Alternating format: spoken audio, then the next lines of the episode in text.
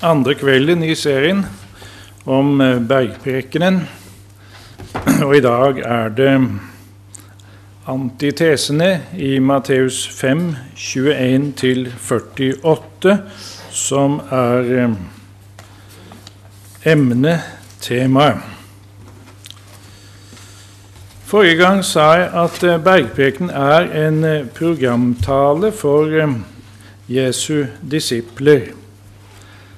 Etter saligprisningen av disiplene følger temaordet i eh, kapittel 5, vers 13-16, om Jesu disipler som jordens salt og verdens lys. Jesu disipler er kalt til å virkeliggjøre i verden det livet som de eier i Jesus. Jesus er ikke kommet for å oppheve loven, men for å oppfylle den, vers 17. Det betyr ikke at han har oppfylt loven for at vi skal slippe å gjøre det. Nei, Jesus både frelser sitt folk fra deres synder, som engelen sa, kapittel 1, vers 21, og døper med Den hellige ånd, som Johannes døperen forutsa om Jesus i kapittel 3, 11. Og Dermed bringer Jesus loven til rett og sann oppfyllelse i disiplenes liv. De sanne disiplers livsrettferdighet overgår langt de skriftlærdes og fariseernes livsrettferdighet, vers 20. Jesus har altså gitt oss bergprekenen for at vi skal leve etter den. Videre i bergprekenen har vi nå de såkalte antitesene. En tese vil si en setning og en antitese er en motsetning. I denne delen av bergprekenen, vers 21-48, har vi seks teser og seks antiteser, seks motteser. Dere har hørt det sagt, og så sier Jesus, men jeg sier dere.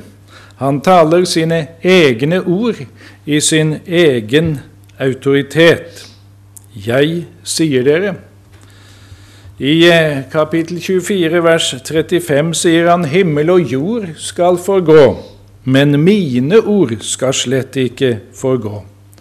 Og Dermed vitner han jo også indirekte om eh, sin guddom. Og det slo tilhørende med hvilken myndighet han forkynte, som det står i eh, avslutningen av kapittel 7. Og da Jesus hadde endt denne tale, altså bergprekenen, da var folket slått av forundring over hans lære, for han lærte dem som en som hadde myndighet, og ikke som deres skriftlærde. Det er klart at Jesus setter antitesene opp mot de skriftlærdes tolkninger av Moseloven, mot deres tradisjon, det som er sagt. Dere har hørt at det er sagt til de gamle, vers 21, men jeg sier dere vers 22.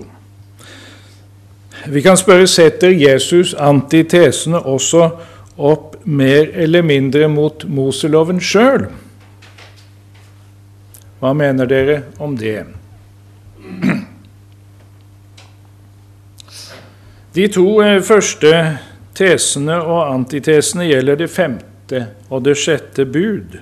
Her innskjerper og utdyper Jesus disse to bud. Den tredje av tesene og antitesene gjelder skilsmisse. Og Her vil jeg hevde at Jesus tar teksten i 5. Mosebok 24 ut av hendene på de skriftlærde og tolker den. Også her avviser Jesus en snever juridisk lesning av loven og tolker den i etisk perspektiv.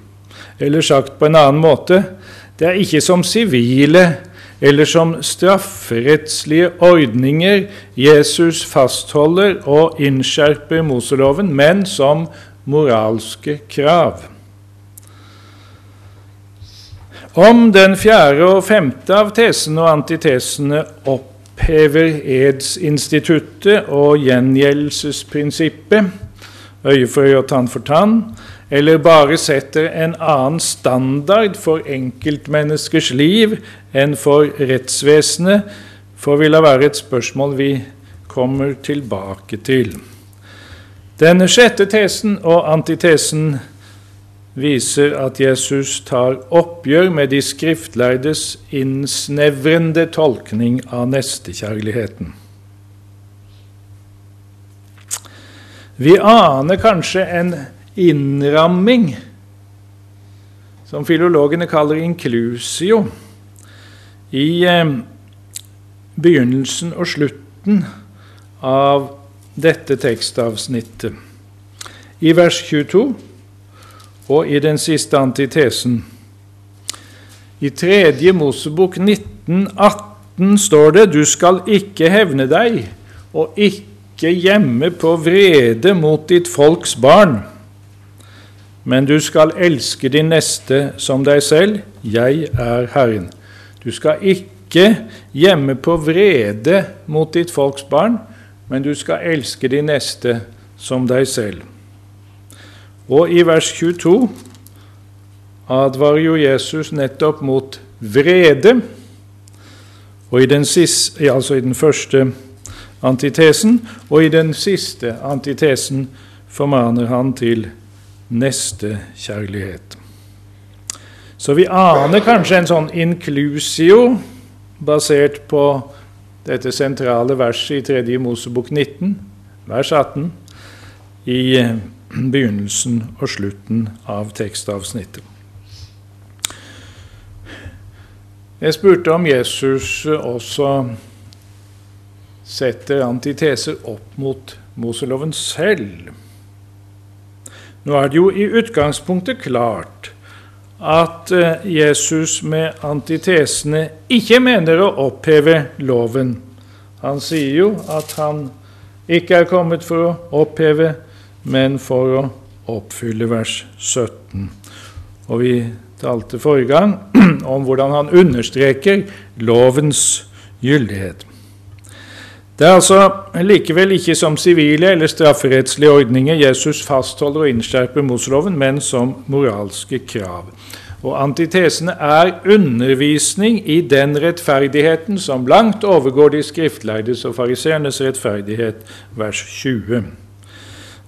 En fortolker sier følgende når disiplene skulle utmerke seg fremfor de skriftlærde og fariseerne i lovoppfyllelse, måtte de ikke bare, liksom disse, holde endog de minste bud, men også, og det først og fremst, oppfylle loven etter dens innerste tanke og intensjon.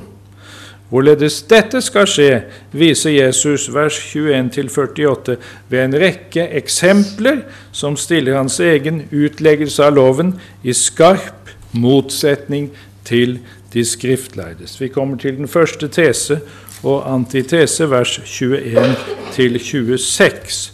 Dere har hørt at det er sagt til de gamle, du skal ikke slå i hjel. Men den som slår i hjel, skal være skyldig for domstolen.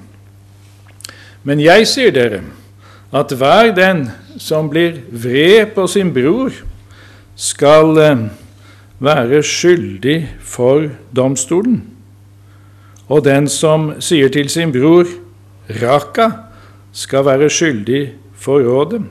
Og den som sier 'du dåre', skal være skyldig til helvetes ild.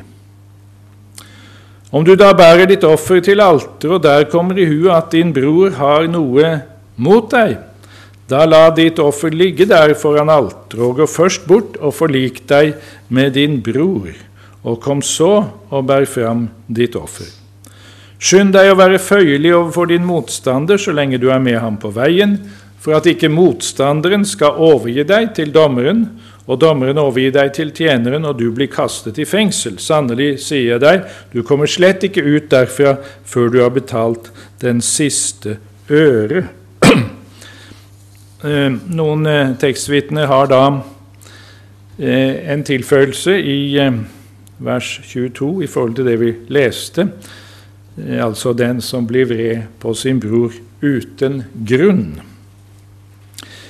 Eh, det er vel en eh, senere tilføyelse, men eh, det er jo ikke utelukket at det allikevel er en rett forståelse av det Jesus mener.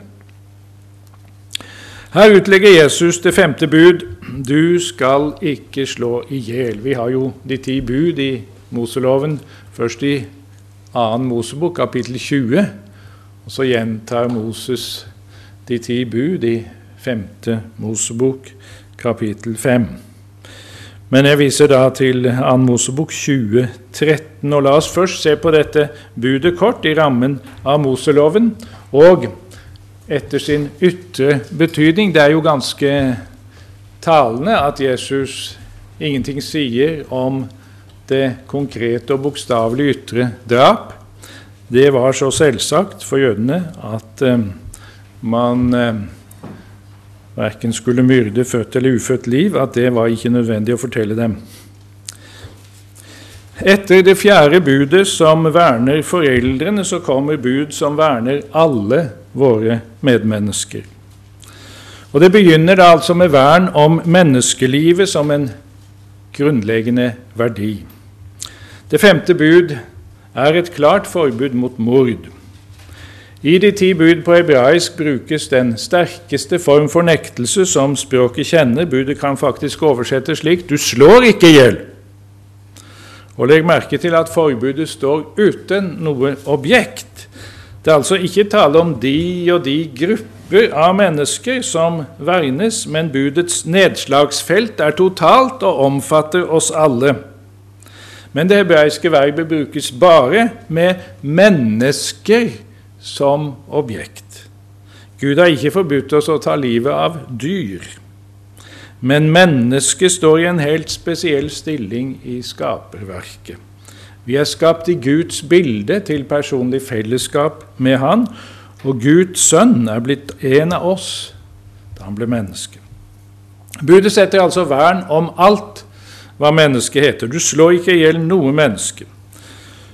Moseloven viser oss at det ikke var noe forbud mot eh, at det gamle Israel førte krig, eller at de praktiserte dødsstraff. En annen sak er spørsmålet om hvordan vi som lever i den nye pakts tid, skal stille oss til militærvesen og dødsstraff. Det er vanskelige spørsmål som det har vært forskjellige oppfatninger om blant kristne. Og vi må søke svar på disse spørsmål ut fra det bibelske budskapet som helhet.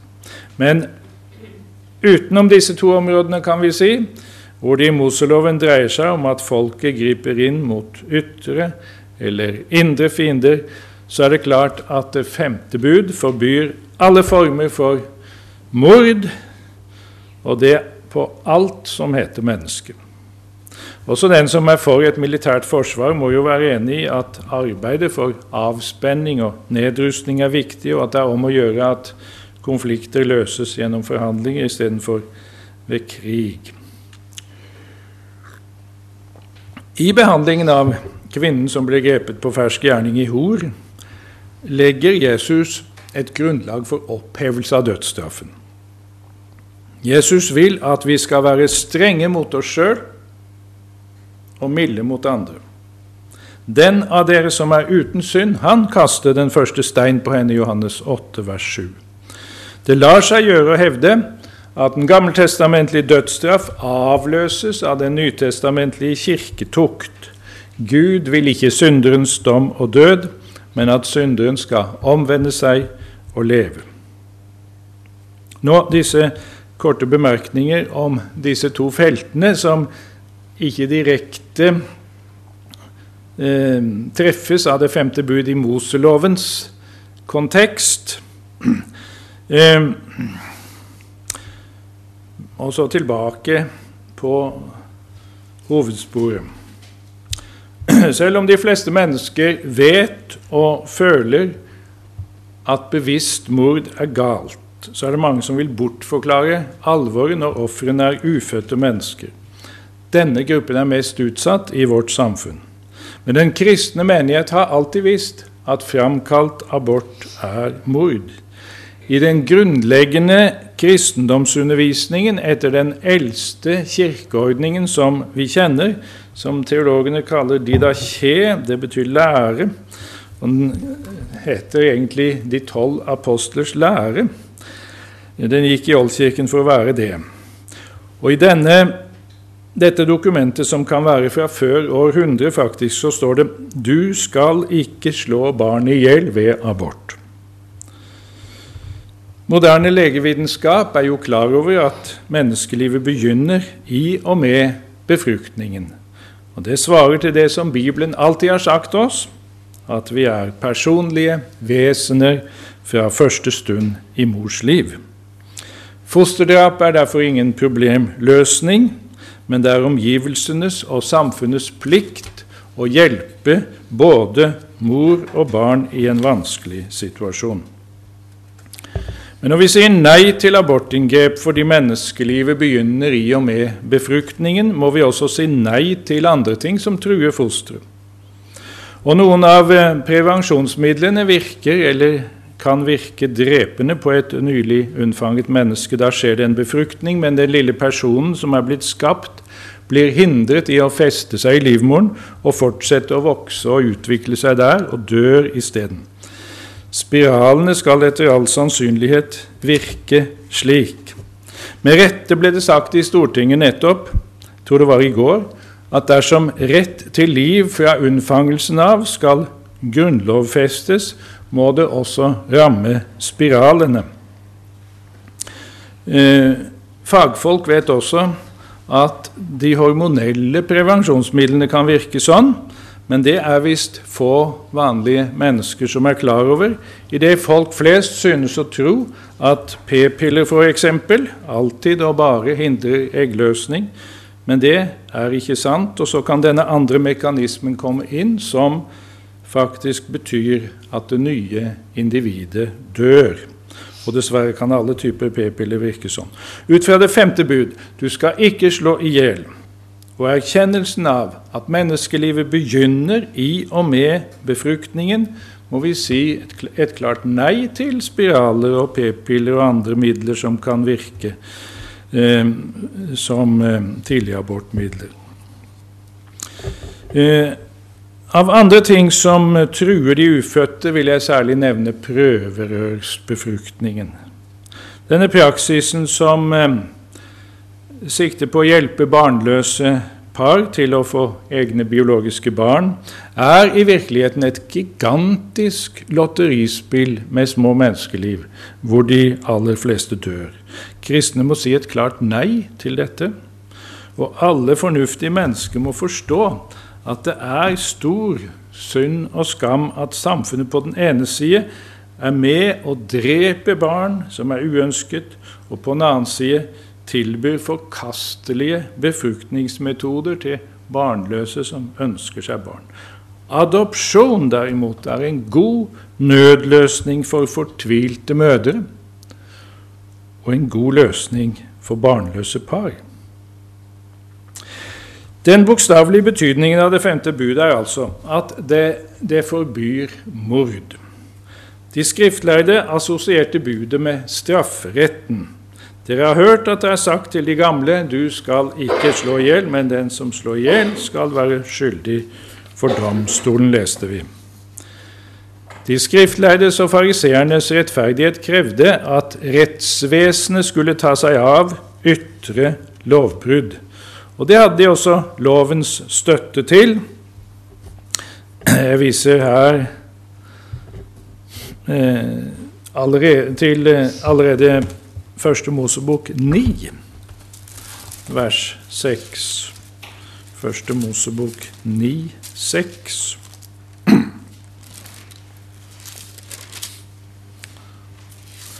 Hvor eh, det lyder rett etter vannflommen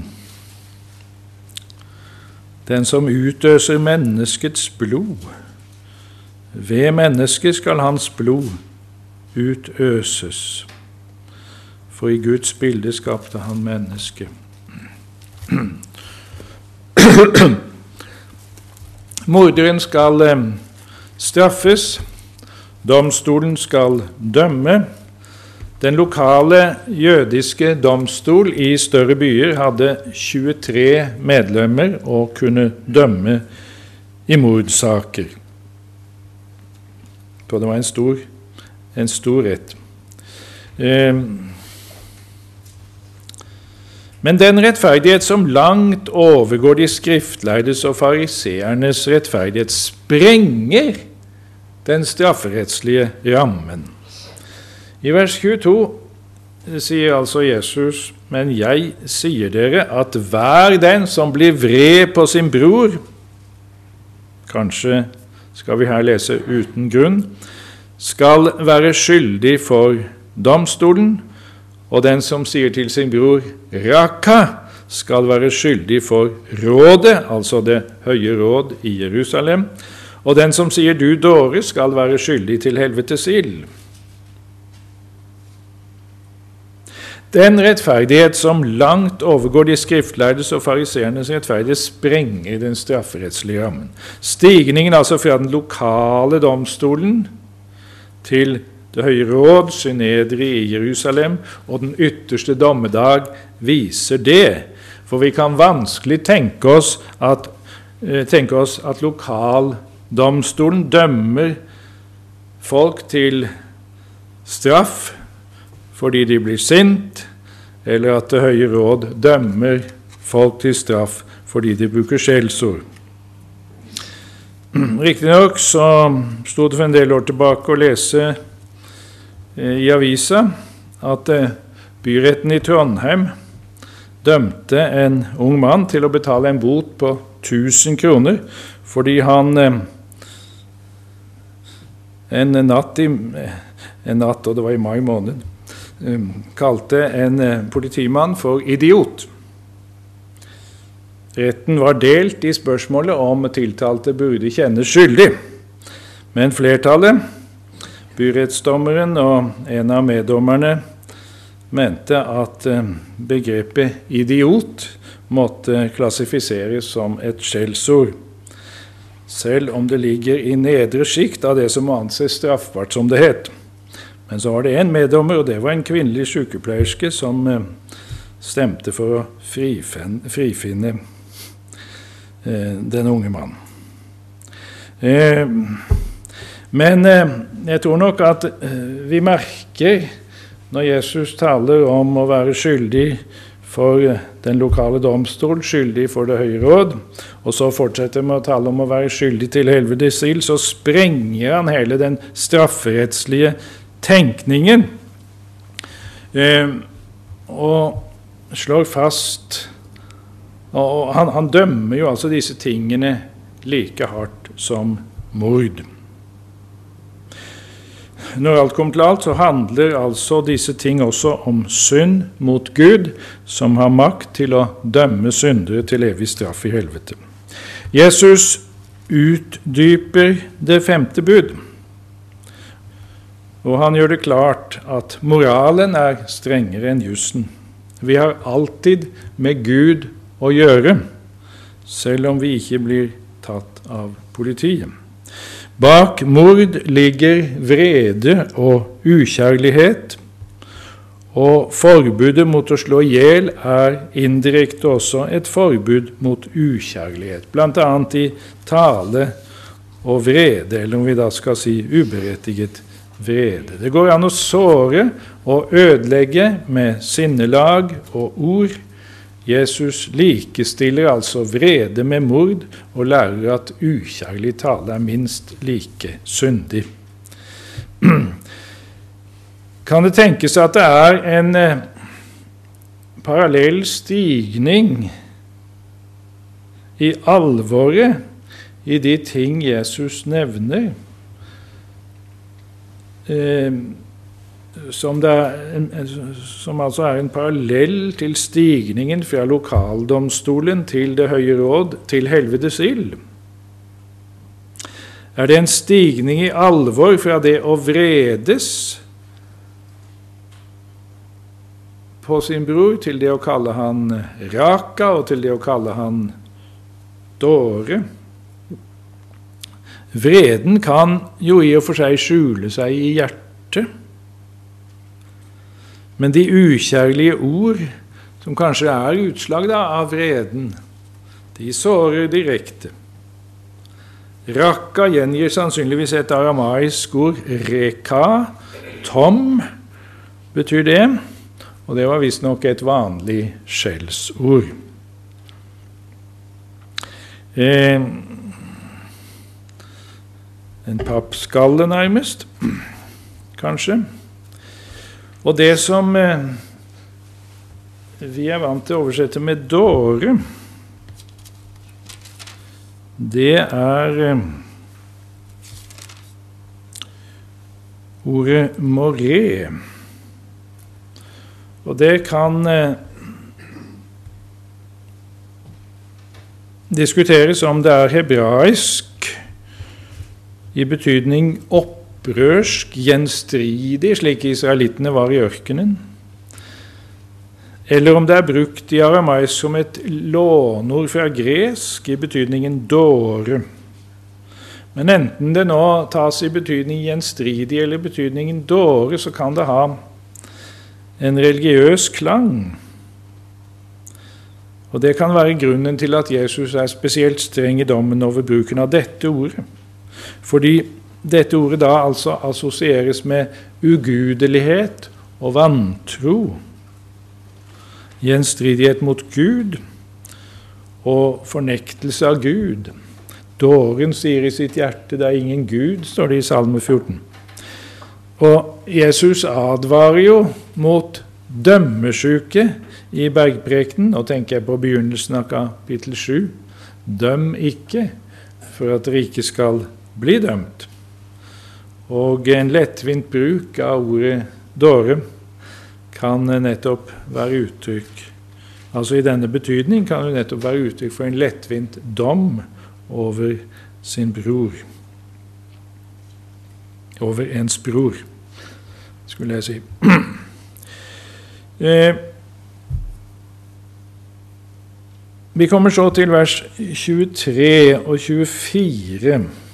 Dette eksempelet Jesus der bruker, eh, forutsetter jo at hans disipler fortsatt deltar i tempeldyrkelsen. Og om en er på vei med et offer til brennofferalteret i prestenes forgård, og der kommer til å huske på at eh, en bror har noe imot en. Det kan være med rette, det kan være med urette. Eh, men da skal altså plikten til forlik gå foran ofringen. En kan jo selvfølgelig diskutere om, eh, om det skal avgrenses til en situasjon der vedkommende med rette har noe imot den. Men eh, kanskje den situasjonen at en med urette har noe imot den, også er så ødeleggende at en må prøve å bli forlikt. Gå straks bort og forlik deg. Og dette er jo på linje med eh, kritikken i Det gamle testamentet av utvortes gudsdyrkelse, hvor man er opptatt av at ofringene skal gå sin gang, at tempeltjenesten skal gå sin gang, men eh, hvor hjertet er bortvendt både fra Gud og fra nesten. Og Jesus er inne på dette i kapittel 9 i Matteus, hvor det står i vers 13.: Men gå bort og lær hva det er. Jeg har lyst til barmhjertighet og ikke til offer. Begynnelsen av vers 13. Det er på linje med slik som eh, profetene også taler når de kritiserer en overfladisk kultus. Å avbryte offerhandlingen på den måten ville nok være aldeles fremmed for eh, de skriftlærde, selv om også de kunne være opptatt av at en må forlike seg med sin bror. Så fikk det for dem vente til man var ferdig med ofringen. Det må vi regne med. Eh, det er mulig at eh, Jesu formaning her henger så nøye sammen med advarselen mot vrede at eh, poenget først og fremst er at det gjelder å fjerne din brors vrede mot deg. Din brors vrede. Altså det å provosere din bror til vrede er ikke mindre alvorlig enn å bli vred på han. Å bli vred på han, eller provosere han til vrede, det er eh, en alvorlig sak. Jesu disipler skal jo gjøre fred, som vi ser i saligprisningene. Salig er de som gjør fred, som stifter fred vers 9. Ehm, jeg nevnte Didaché, den eldste kirkeordningen vi kjenner. Og Der står det i menigheten skal du bekjenne dine synder, og du skal ikke gå til din bønn med dårlig samvittighet. På Herrens dag, står det, skal dere komme sammen og bryte brød og holde takkebønn, etter at dere først har bekjent deres synder, slik at deres offer kan være rent. Ingen som lever i ufred med sin neste, må få komme sammen med dere før de er blitt forlikt, for at ikke deres offer skal bli vanhelliget. Så da er dette videreført. Ingen som lever i ufred med sin neste, må få komme sammen med dere i nattverdgudstjenesten, altså før de er blitt forlikt. Så har vi i vers 25 og 26 en lignelse som Jesus bruker for å advare. Og Billedbruken handler om en gjeldssak med parter. Det er en kreditor, det er en debitor. Og her, her er en dommer, en justisbetjent, her er et gjeldsfengsel. Pass deg at ikke du havner i gjeldsfengselet. Du skal ikke komme ut før du har betalt den siste cordantes. Nei, quadrantes, unnskyld. Quadrantes heter det på gresk, som er et låneord fra latin, en kvadrans. Og det er den minste romerske kobbermynten. Det gikk 64 slike på en denar, og vi vet at en, en, en denar var en vanlig daglønn. Så da kan du tenke deg at du kunne tjene en kvadrans på la oss si omkring ti minutter. Du må betale til siste kvadrans. Når det her taler om å vandre sammen på veien La oss si på veien til dommeren og det gjelder å bli forlikt før saken kommer for dommen. Så er det bildet ikke sant, på den felles vandring gjennom livet før dommedag. En skal skynde seg å være velvillig, føyelig mot sin motpart som en har krenket. Forlik med Gud og forlik med mennesker hører sammen. Det minner Fader vår oss om. Jesus har lært oss daglig å be 'forlat oss vår skyld', som vi òg forlater våre skyldnere. Og han poengterer i Bergprekenen, kapittel 6, vers 14, at uh, vi må tilgi menneskene deres overtredelser. Gjør vi ikke det, så mister vi Guds tilgivelse. Og dette har han jo også talt om i lignelsen om uh, den ubarmhjertige medtjener i kapittel 18. Han som fikk ettergitt de 10 000 talenter og gikk bort og kastet seg over han som skyldte han den lille summen. Indirekte krever det femte bud også at vi skal hjelpe vår neste i nød, sier Luther i forklaringen. Vi skal frykte og elske Gud, så vi ikke skader vår neste på hans legeme eller gjør han noe ondt, men hjelper han når han er i nød. Det svarer til Jesu fortelling om den barmhjertige samaritan som stansa og tok seg av mannen som var falt blant røvere. Lukas 10. Presten og levitten ble skyldige fordi de lot være å hjelpe. Ja, Da iler vi videre til eh, neste tese og antitese, vers 27-32, om det sjette bud og om skilsmisse. Det er de to neste antitesene vi tar under ett, fordi begge deler handler om eh, seksualmoral og hor. Dere har hørt at det er sagt du skal eh, ikke drive hor. Men jeg sier dere at hver den som ser på en kvinne for å begjære henne, har alt drevet hor med henne i sitt hjerte. Om ditt høyre øye frister deg til fall, da riv det ut og kast det fra deg, for det er bedre for deg at ett av dine lemmer går tapt, enn at hele ditt legeme blir kastet i helvete.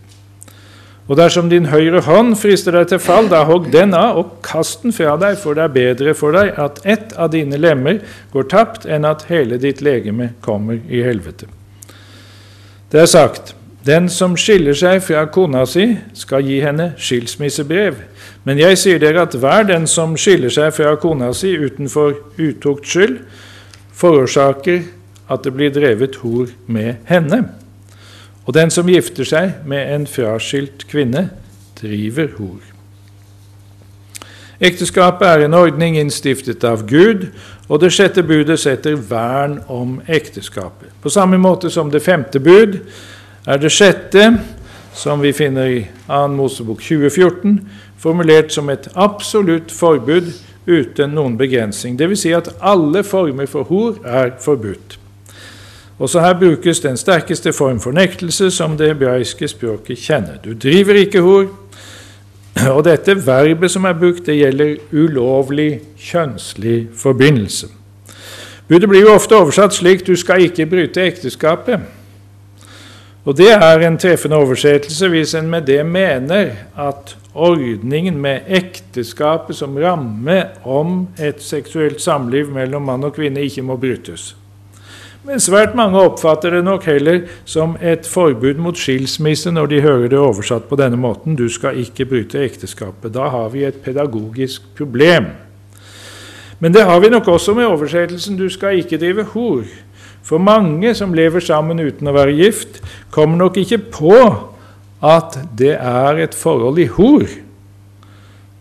De er da ikke horekunder eller flyr fra den ene til den andre. Da har vi også et pedagogisk problem. Du skal ikke ligge med noen som du ikke er rettmessig gift med. Det er en mer direkte gjengivelse av meningen i den hebraiske teksten. Budet har et omfattende nedslagsfelt. Det er et bud både til gifte og ugifte. Det verner om ekteskapet som ordning. Den som er utenfor, må ikke bryte inn eller opptre som gift utenfor denne ordningen, denne ringen om ekteskapet. Den som er innenfor, må ikke bryte ut til noen der ute. For så vidt kan en si at budet forbyr å bryte ekteskapet når en tar det i vid mening. Det forbyr altså at en setter seg ut over den ekteskapelige ordningen. Også det sjette bud har Jesus da innskjerpet og utdypet i bergprekenen. Han gjør det klart at ikke bare den syndige handling, men også den syndige lyst er brudd på budet. I katekismeforklaringen står det da også at vi skal leve et rent liv i tanker, ord og gjerninger. Vi må ta den gode beslutning at vi vil leve et rent liv og passe oss for negativ påvirkning gjennom bøker, blad, filmer og internettsteder. Jesus lærer altså tilhørende å sette både et begjærlig blikk og, og illegitim skilsmisse inn i lys av det sjette bud. Han ansvarliggjør mannen og verner kvinnen. Hvis ikke ordet 'feministisk' hadde vært så belastet, kunne vi si at vers 27 til 32 har en feministisk karakter. Eh, en eh, tolker sier i motsetning til mye jødisk tenkning, som var tilbøyelig til å gi kvinner skylda for seksuelle synder, retter Jesus hele sin oppmerksomhet mot mannen og hva menn må gjøre for å unngå å falle i fristelse. Jesus setter søkelyset mot det syndige blikk og mot hor i hjertet, mot tanke og mot sinnelag. Og i eh, Tibudstalen er det jo også et uttrykkelig forbud mot å begjære sin nestes kone. Husker dere? I 2. Mosebok 20, 17. Vi blir altså sterkt advart mot å leke med fristelsene og sette oss i situasjoner der det blir vanskelig å holde budet etter dets ytre betydning. Her er den rettskafne jobb et forbilde for oss. Han sier en pakt hadde jeg gjort med mine øyne, at jeg ikke skulle se på en jomfru. Hva lodd vil jeg ellers få av Gud i himmelen, eller hva arv av den allmektige i det høye? Rammer ikke fordervelse den urettferdige og ulykke dem som gjør det onde? Ser ikke han mine veier, og teller han ikke alle mine skritt? Jobb 31, vers 1-4. I fortsettelsen taler Jobb om den tenkte mulighet at hans hjerte har latt seg dåre for en kvinnes skyld, og han har luret ved sin nestes dør. Eh, også her advarer Jesus med å nevne helvete, slik som eh, i den første antitesen. Så ser vi i vers 29 og 30 det. Å rive ut øyet og hogge av handa, ja, det er jo en tilspisset formaning. For eh, Det tror jeg vi forstår. For eh, begjæret sitter jo ikke i handa eller i øyet i og for seg. Og hva med det venstre? Ikke sant? Men allikevel så er det, så er det en, en kraftig understrekning av eh, selvtukt og hva det gjelder eh, å unngå av fristelser for ikke å komme galt av sted. Og Det er dette som eh, det er på en måte dette som Paulus formaner til, om å ikke by lemmene framfor synd, men for, i tjeneste for Herren, Romerne 6. I praksis så kan det være f.eks. som en sa Jeg besøker ikke min venns hus når min venn ikke er hjemme, sa han. Besøkte ikke bare kona, da. Det, det kan være en sånn praktisk eh, selvtukt. I vers 32 leser vi da Men jeg sier dere at hver den som skiller seg fra kona si utenfor utukts skyld, forårsaker at det blir drevet hor med henne, og den som gifter seg med en fraskilt kvinne, driver hor. Dette er en antitese mot jødenes misbruk av skilsmisse. Jesus taler inn i et miljø der menn tar til ekte og kvinner blir gitt til ekte, og der menn kunne skille seg og kvinner blir skilt. Skilsmisse var derfor noe som først og fremst menn var ansvarlig for. Jesus arresterer misbruket av Moseloven og understreker mannens ansvar for at ikke kona driver hor, for at ikke kona driver hor eller blir drevet hor med pga. illegitim skilsmisse. Risikoen for dette var jo åpenbar. Skilsmissen ble nemlig oppfatta som tillatelse til gjengifte. Med skilsmissebrevet utsetter mannen kona si for fristelser og forårsaker at det blir drevet hor med henne, forutsatt at hun har kjønnslig omgang med en annen mann.